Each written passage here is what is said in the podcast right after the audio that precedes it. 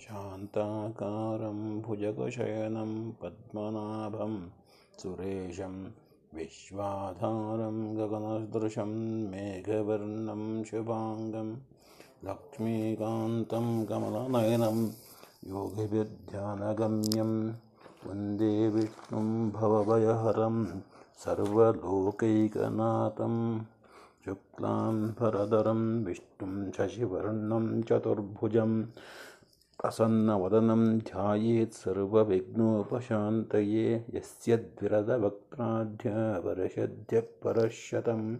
विघ्नं निघ्नन्ति सततं विश्वक्षेणं तमाश्रये। नारायणं नमस्कृत्य नरं चैव नरोत्तमं। देवीं सरस्वतीं व्यासं ततो जयमुदीरयेत्